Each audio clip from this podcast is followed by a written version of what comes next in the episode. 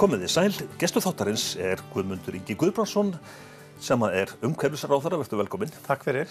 Er ekki hægt að halda því fram já, með einhverjum rökum að umhverfisráðunitið sé það ráðunitið sem að tengist landsbyðunum í að hver sterkustum böndum?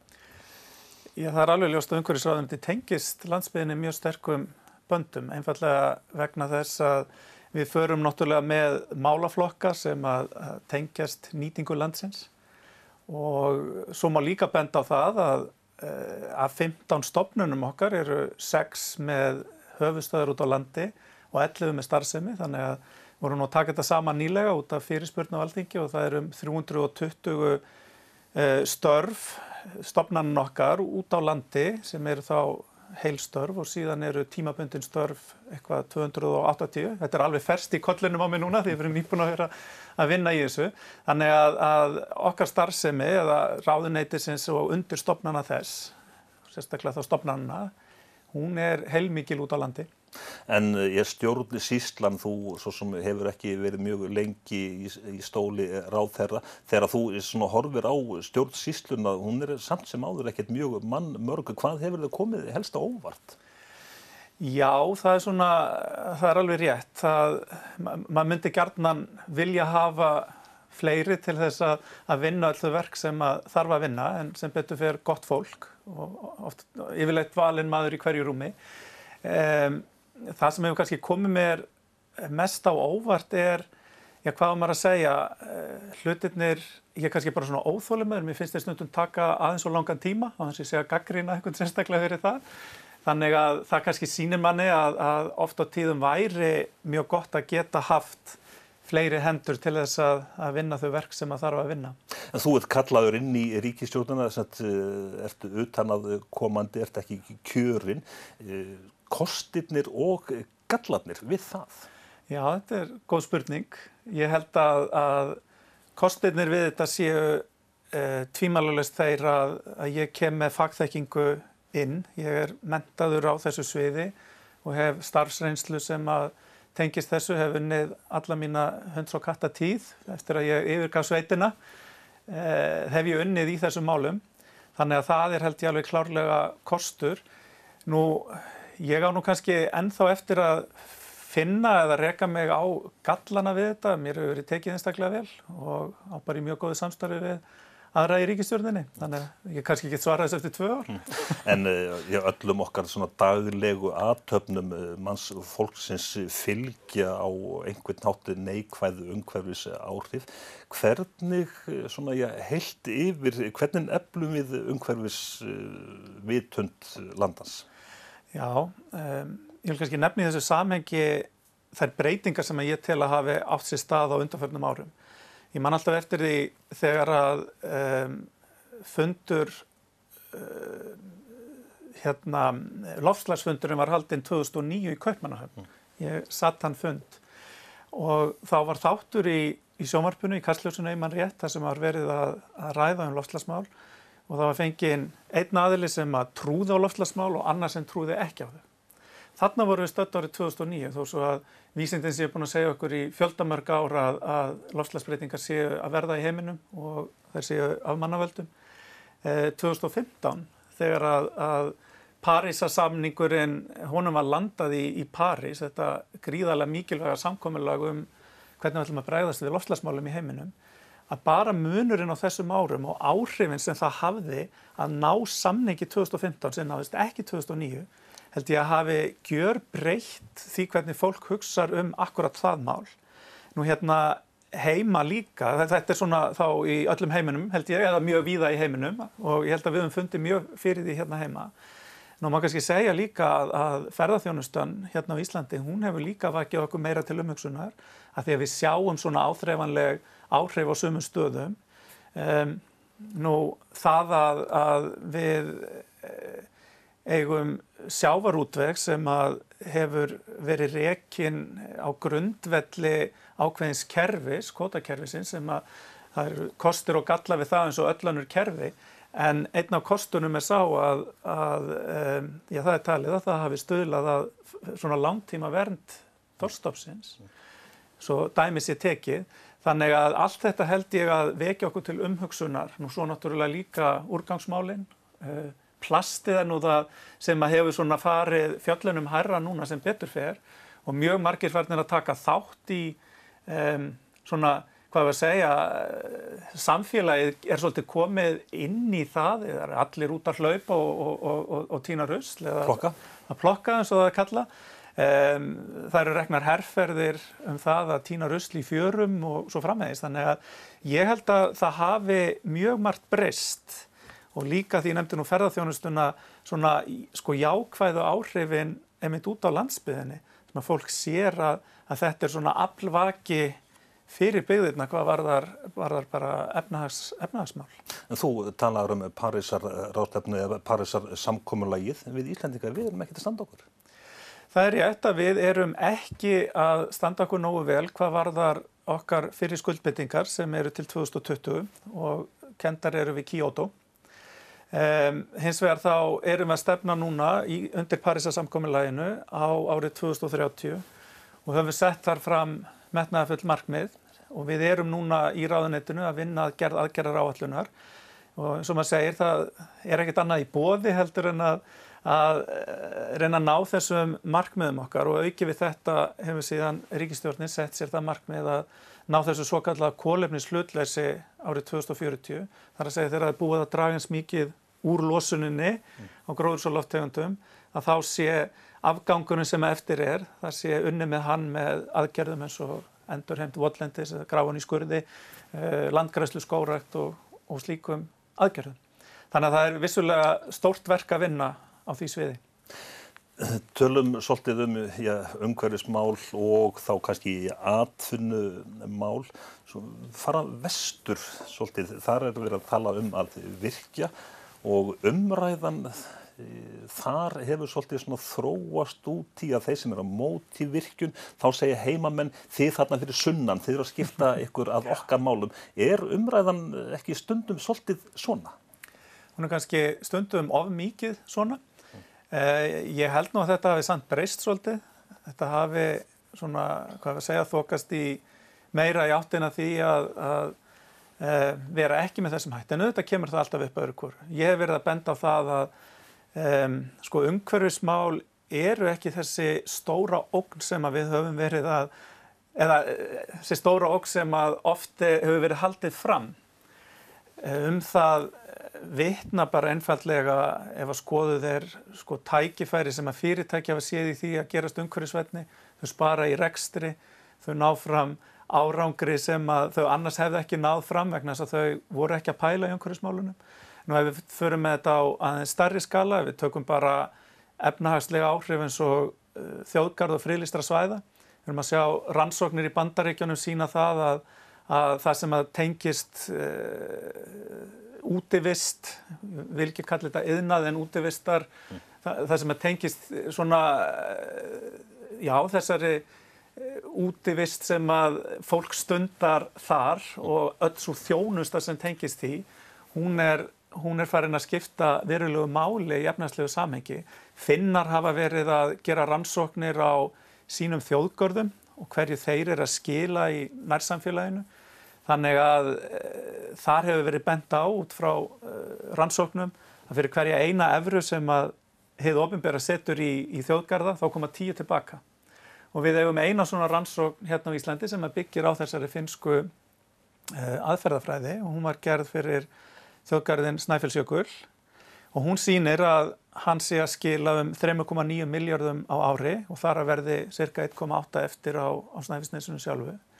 Eh, skapi fjöldastarfa og þar fram til göttunum og ef, að, ef maður hugsaður aðeins svona út í eh, akkurat þetta og hvar Snæfellsjökull og Snæfellsnes er staðsett á landinu þá er það bísna nálegt höfuborgarsvæðinu og það komið mitt fram í þessari rannsókn að það voru allmargir sem að voru í dagsferðum á Snæfellsnesi sem að þýðir þá að þar er ekki um gistingaræða Þannig að ég myndi, maður myndi ætlað eftir því sem að þú fer lengra frá höfuborgarsvæðinu mm. og ert með aðdráttaraflins og þetta sem að þjóðgarðar er alltaf vegna þess að þeir eru táknum það að þar sé eitthvað merkilegt að finna að þá geti það verið gríðarlega mikil tækifæri verið byggðirnar. Og í ljósi þessara rannsóknar sem hafa verið gerðar ælendis og er svona rétt byrjaðar hérna á Íslandi, að þá um, gerðum við í ráðanettinu nýlega samning við Hagfræðistofnun Háskóla Íslands um að fara að kanna þetta á fleiri friðlistum svæðum á landinu hverju þetta sé í raun, raunverulega að skila byggðunum. Vatnajökuls þjóðgarður, í hann er stæstur. E, er verið að tala um að stækka hann? Já, það er á verkefnislista ríkistjórnarinnar að stopna þjóðgarð á miðhálend Íslands. Og eitt af þeim verkum sem við munum byrja á þar er einmitt að skoða hver eru tækifærin sem að felast í þessu, ekki síst fyrir byggðunar og eh, hvað ætla þessi ekki mánuður eða, eða svo síðan að, að, að eh, ég skipaði þverrpolítíska nefnd um þetta stóra og mikla verkefni þar sem eru fulltrúar allra stjórnmáluflokka á þingi sem eru þá allt þingmenn og fulltrúar sambandur Íslands og Sveitafélag og takja ráðun þetta. Þannig að um, þetta er, er stórt verkefni til að vinna sem að ég held að geti skapað mörg tækifæri uh, fyrir ferðarþjónustu og fleiri út um all land. Ferðarþjónustan, hún hefur mitt vaksið alveg hreint gríðarlega á undanförnum árum. Ferðarþjónustan er í raun og veru að gera út á íslenska náttúru, getur við sagt að stórum hluta.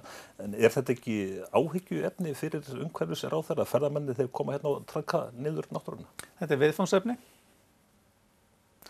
Við getum Uh, annarkort ákveðið að nálgast þetta með svona neikvæðum fórmerkjum mm. eða við getum reynt að nálgast það með jákvæðum fórmerkjum og ég kýsið síðan nefnda um, uh, sko yfir eða um 80% af þeim sem að koma hinga til lands þeir nefna náttúruna sem helstu ástæði Íslandsfarar og þetta segir okkur náttúrulega það eins og þú ert að benda á að, að óhjákvæmilega þá fer fólk þá og skoðar þessa blessuðu náttúru Já. Eh, það veldur vissulega álægi á mörgum stöðum en verkefnið það er í rauninni skýrt. Það er að uh, tryggja til framtíðar að ferðarþjónustan og náttúruvendin geti haldist í hendur. Vegna þess að náttúruvendin, hún er í rauninni undistæða ferðarþjónustunar sem er orðin okkar stæsti útflutningsatvinnuvegur í dag. Þannig að sko, uh, við getum kannski sagt að, að hérna, ferðarþjónustan hún er háð náttúruvendinni Eh, og þá getum við sagt, ok, hver eru þá verkefnin? Jú, þau eru að halda áfram að, að, að móta eh, aðstæður fyrir ferðarþjónustunum til þess að geta blómstrað og þar eru, eru hérna, tækifæri byggðana nefnilega svo mikið. Mm. Því að þó svo að sé alveg hægt að finna fallega náttúrin í Reykjavík þá, þá vitum við alveg hvað við erum að tala um hér. Og í þessu samengi að þá náttúrulega þarf að ráðast í aðgerðir á vinsælustu ferðamannastöðunum sem að margir hverjir eru uh, innan fyrir ylistra svæða og í, í því sambandi að þá um, höfum við núna lagt aukið fjármagn akkurat í þetta verkefni. Það var tilkynnt um það núna í mars að á næstu þremur árum færum 2 miljardar króna akkurat í þetta, byggja upp innvið á þessum svæðum, aukna landvörslu um, og síðan eru þá um 700 miljónir sem að koma úr Frankværtasöði ferðamannastaða sem er undir ferðamálaráðunitinu og þetta kynntum við ferðamálaráð þeirra í mars og svo núna með nýri fjármála áallun að þá erum við að, að sjá enþá meiri aukningu akkurat inn í þetta. Þannig að þannig er verið svona að reyna að halda svolítið utanum þetta gullleg ferðarþjónustunar. Eh, ég hef lagt á það ríka áherslu og við ferðamálaráð þeirra skrifuðum undir samning þess efnis að setja sérstakt fjármagn í það að að reyna að tryggja með hvaða hætti þessi uppbygging á sér stað. Það er að segja að hún sé sem faglegust. Það er ekki sama hvernig þú leggur stíin eða, eða tröppurnar. Þú þarfst að passa það passi sem best inn í landslægi. En samt finnst manni einhvern veginn að, að aðgerðir þær séu tveimur, þremur skriðum alltaf eftir. Þetta er svo mikill vöxtur í þessu. Ja. Vöxturinn hefur, þetta er náttúrulega verið veldisvöxtur á ferðarþjónustunni. Árið 2000 vorum 300.000 að koma enga, árið 2010 um 500.000 mm -hmm. og núna erum við að stefna í 2,3-2,5 miljónir. Þannig að, að ég get algjörlega tekið undir það að við, við höfum ekki náða að halda í við hann. En núna er komið allavega fjármagn og núna erum við með fyrir þinginu, ég er með fyrir þinginu svo kallaða eh, þingsáleiktuna til um landsáallun um uppbyggingu innviða á á náttúru og, og, og menningar verðmæta svæðum sem að mun svolítið svona búa til ramma utanum það, um, þessi, þessi málefni og hafa þetta markmiði að reyna að tryggja það að ferðarþjónustan og náttúruvendin geti haldist í hendur en sé ekki andstæði. En þegar að umhverfisráð þeirra leggst á kottan og fer yfir málið í ferðarþjónustunni, finnst þér ferðarþjónustan eh, svona, ég hafa selt afgang að náttúrunni með ábyrgum hætti? Það er náttúrulega uh, án efa misjamt bara hreinlega eftir fyrirtækjum. Uh, almennt séð þá hefur ferðarþjónustan komið fram að mínumati með ábyrgum hætti. Ég vil nefna til dæmis að samtök ferðarþjónustunar hafa líst yfir stuðningi við stofnum miðhálendistjóðgards sem er náttúrulega til þess að halda utanum þessi málöldsumur. Um, í sumu tilfellum þá, eða, eða allmörg fyrirtæki hafa skrifað undir yfirlýsingar um, um það að, að, að standa sér vel en svo er náttúrulega alltaf einhverju svartir sögðir. Það er hins vegar massin. Eins og í öllum greinum. Já, já, já. Og það er náttúrulega bara massin og þá sérstaklega, þetta er svo mikil fjöldi sem er að koma mm. og þá sérstaklega kannski, að, við sjáum þetta best kannski á Suðurlandi og síðan á svona vinsælustu stöðunum hringin í kringum landi. Að þar eru náttúrulega helstu vandamálinn þegar það kemur að þessu. Það er kannski, það er kannski ekki vegna þess að viðkomandi fyrirtæki sé svartu sögður allavega ég skinnja þetta svona með Já. þessum hætti. Norrlendingar og eh, ja, sunnlendingar að hluta til líka tala um uh, hálendisvik. Hvað segir umhverfis á þeirra um að malbygga yfir hálendið?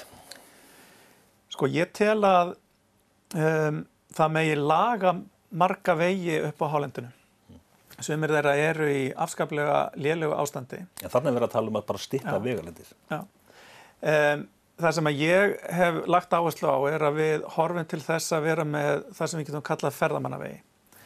Ekki hraðbrötir, eh, ferðamannaleiðir sem að viðhalda upplifun fólks af því að fara um hálendi. Og það er bara eitt af því sem að, að ferðamenn sem að ferðast um hálendi nefna sem mikilvægt atriði að þeir upplifi sig í einhverju svona ótaminni eh, vildri náttúru.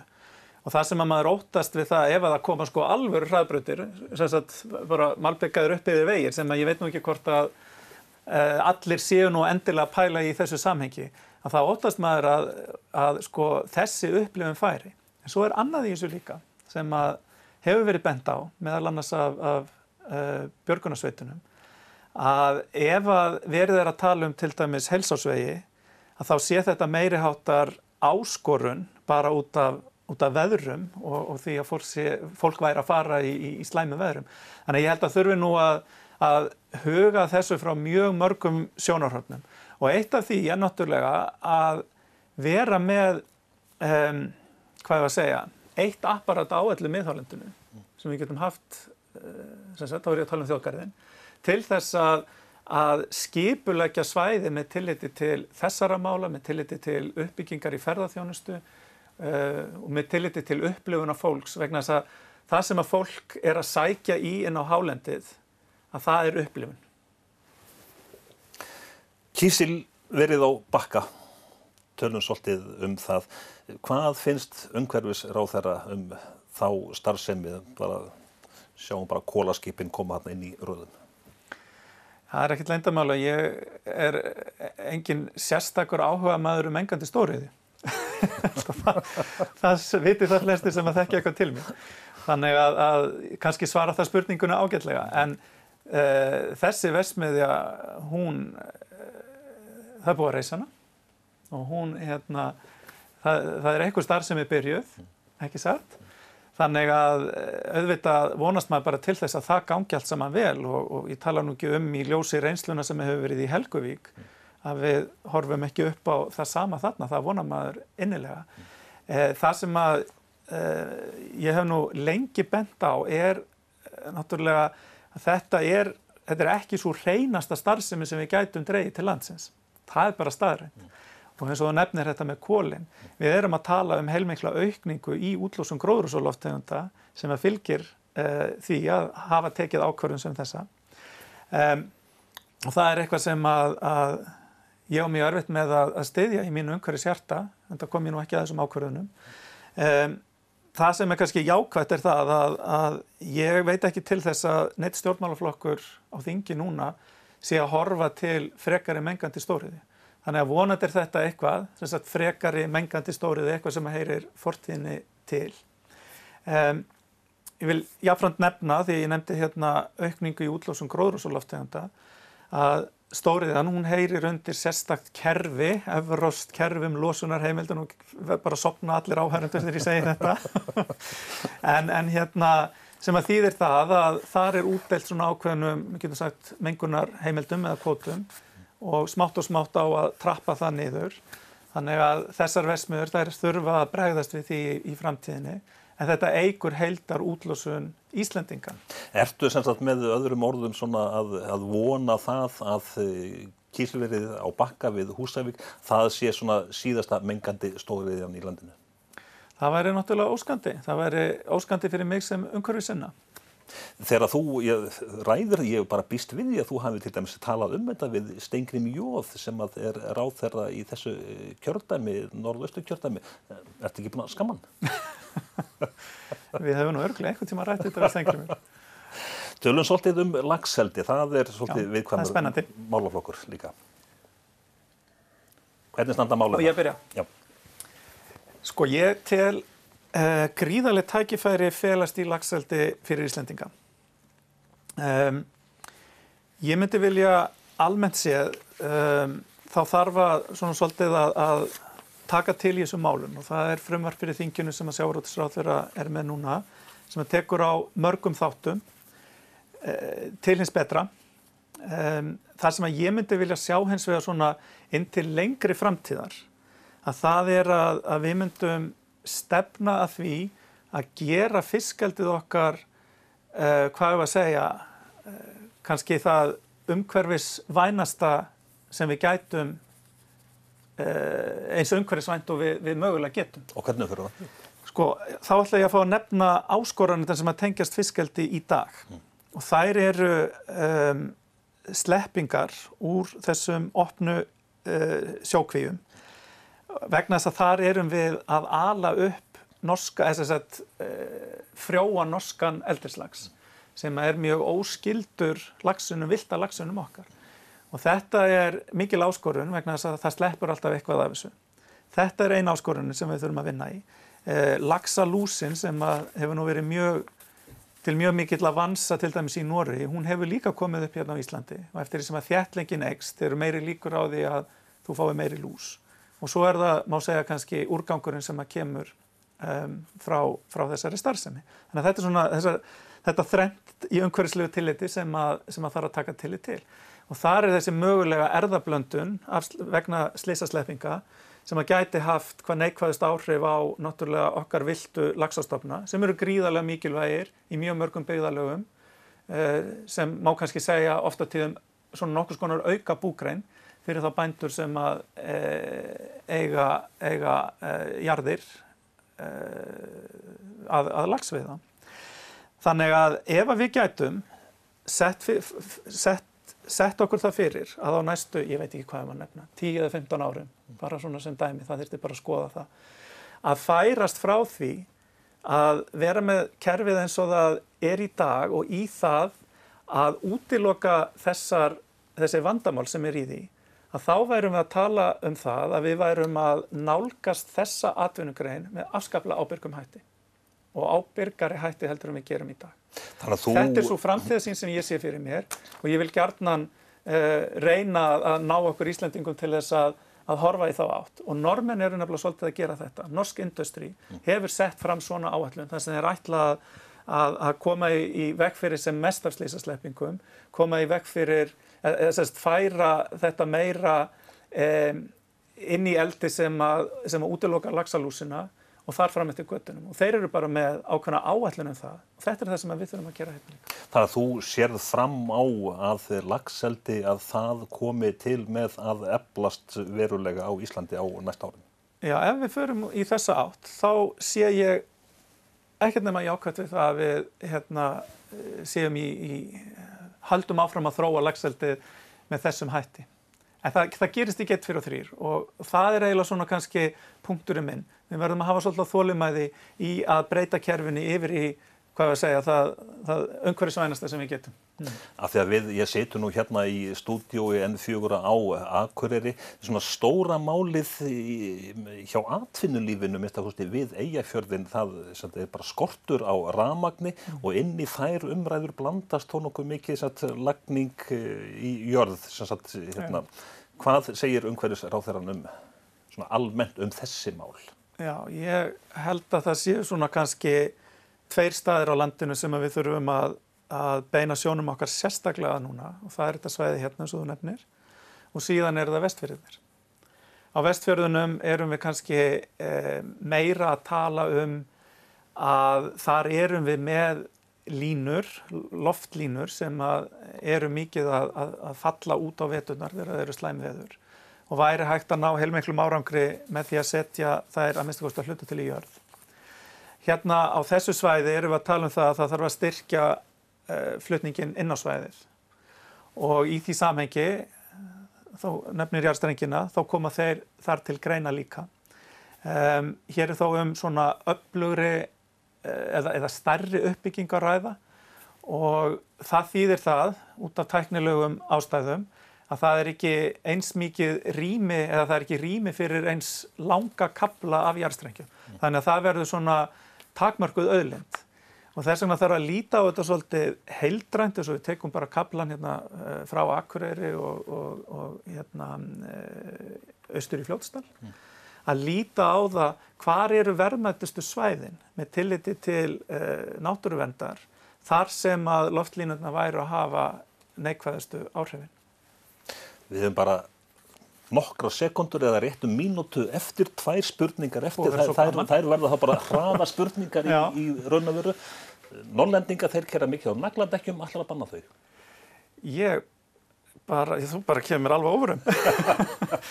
sko ég held að svifriksmálinn þau þurfa að horfa á í aðeins starra samengi heldur en hvort það er að banna nagladekk eða ekki, svo ég sé nú alveg hreinskilin. Mm. Og þar þurfum við, held ég, fyrst og fremst að hugsa til þess að getum við á þeim dögum þar sem að þessi svifriksstoppar eru takmarkað umferð.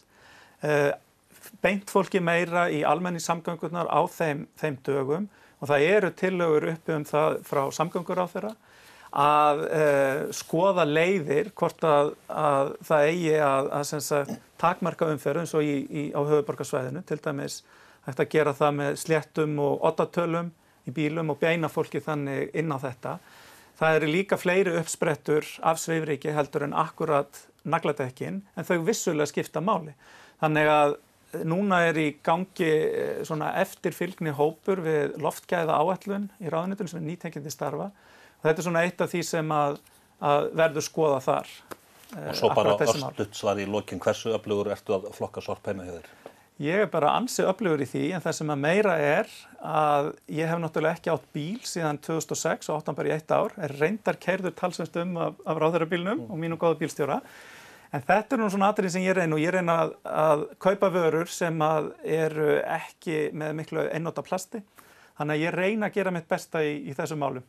Guðmundur Ríki, umhverfis ráð þeirra, takk fyrir gott spil. Takk hjá þessum leðis.